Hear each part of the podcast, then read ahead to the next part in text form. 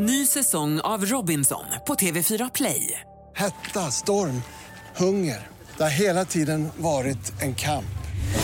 Nu är det blod och tårar. Fan händer just nu. Det. är Detta är inte okej. Robinson 2024, nu fucking kör vi! Streama söndag på TV4 Play. Du lyssnar på en podcast från Expressen. Fler poddar hittar du på expressen.se podcast och på iTunes.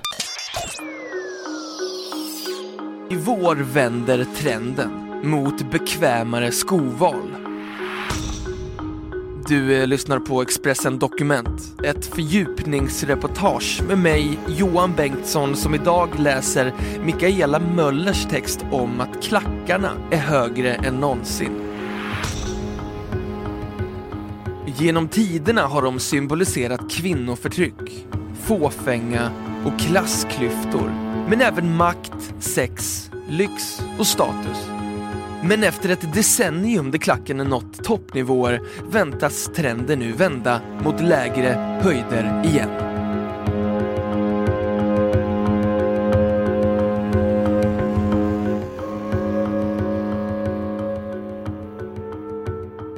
Det finns få modeattribut som är mer laddade än de högerklackade skorna.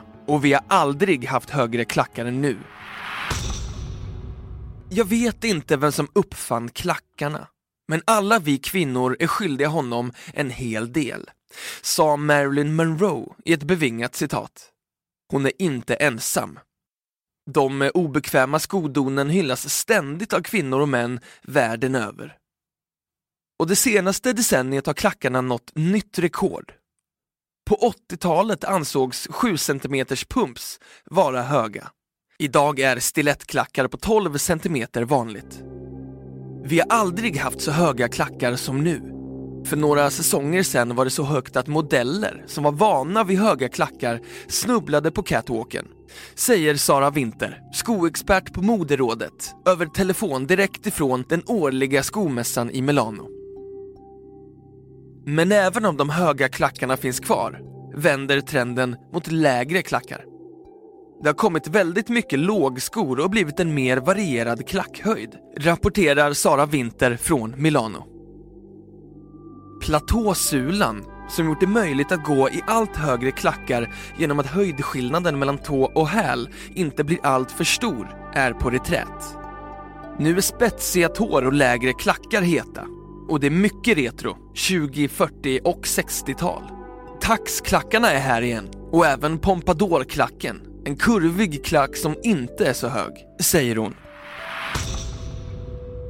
Få modeattribut speglar tidsåldrar och samhällstendenser lika tydligt som skor och klackar. I det moderna vardagsmodet har klackskon inte funnits längre än knappt 100 år. Men som fenomen är klackar inget nytt påfund. Om det verkligen var en man som först uppfann klacken, som Marilyn Monroe var så övertygad om, förtäljer inte historien. De första klackarna skapades redan för tusentals år sedan.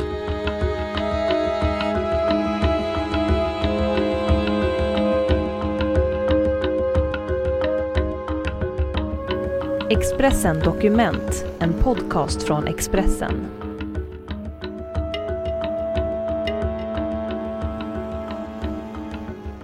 Under antiken bar egyptiska slaktare klackade träskor för att höja sig över blodet på marken.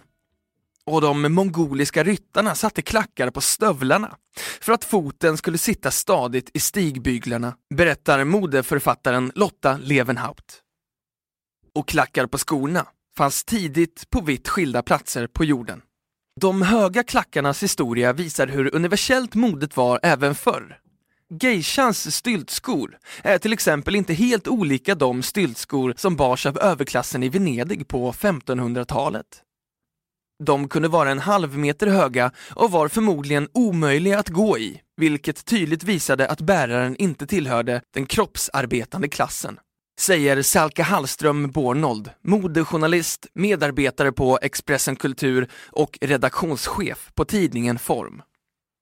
Men det var inte förrän den kortvuxna Katarina av Medici förde med sig högklackade skor i bagaget när hon 1533 skulle gifta sig med den blivande kungen av Frankrike som klackarna på allvar dök upp som fåfängans redskap. Hon var kort och behövde höja sig över mängden av ren fåfänga. Men då blev högklackade skor högsta mode vid hovet, säger Lotta Levenhaupt. Senare skulle Ludvig den XIV introducera den röda klacken som endast fick bäras av kungen själv och vissa i hovet.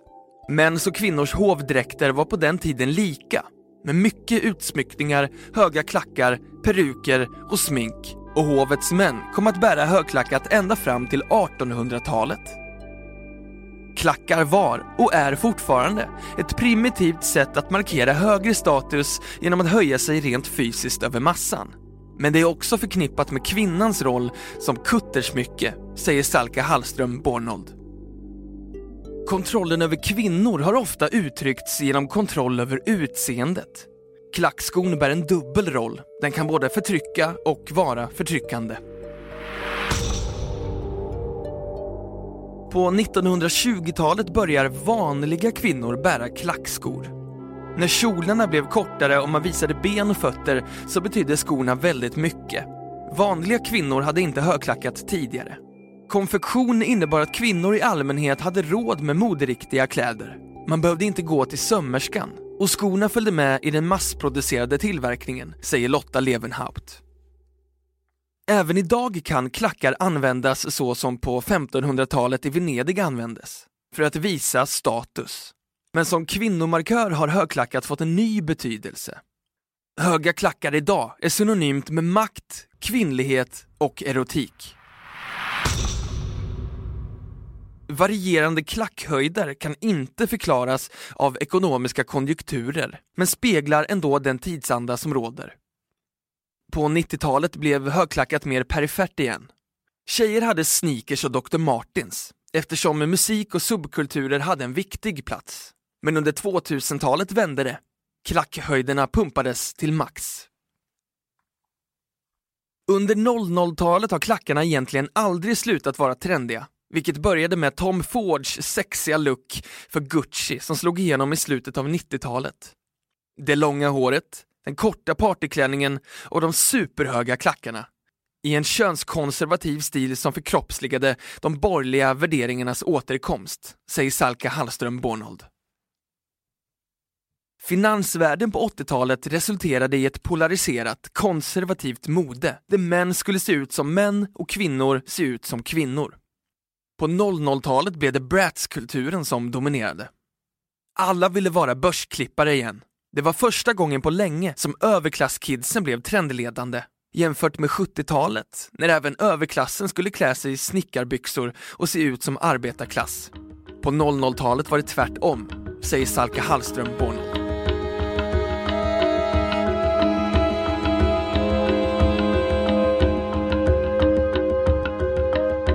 Expressen Dokument, en podcast från Expressen.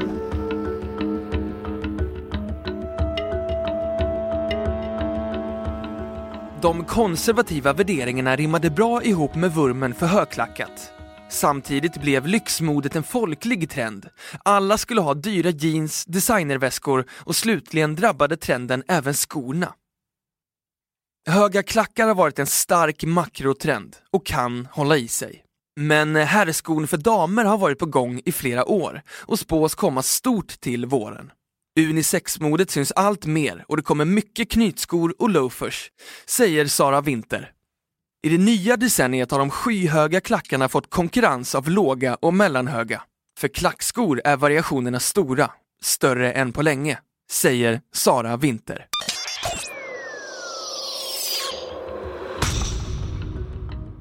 Du har hört Expressen Dokument, ett fördjupningsreportage om att klackarna är högre än någonsin av Mikaela Möller som jag, Johan Bengtsson, har läst upp.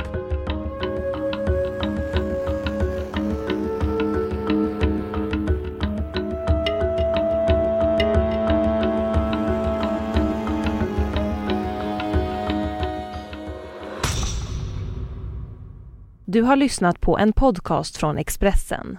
Ansvarig utgivare är Thomas Mattsson. Fler poddar finns på Expressen.se och på iTunes. Ny säsong av Robinson på TV4 Play. Hetta, storm, hunger. Det har hela tiden varit en kamp. Nu är det blod och tårar. Fan händer just nu. Det. är Detta är inte okej. Robinson 2024, nu fucking kör vi! Streama söndag på TV4 Play.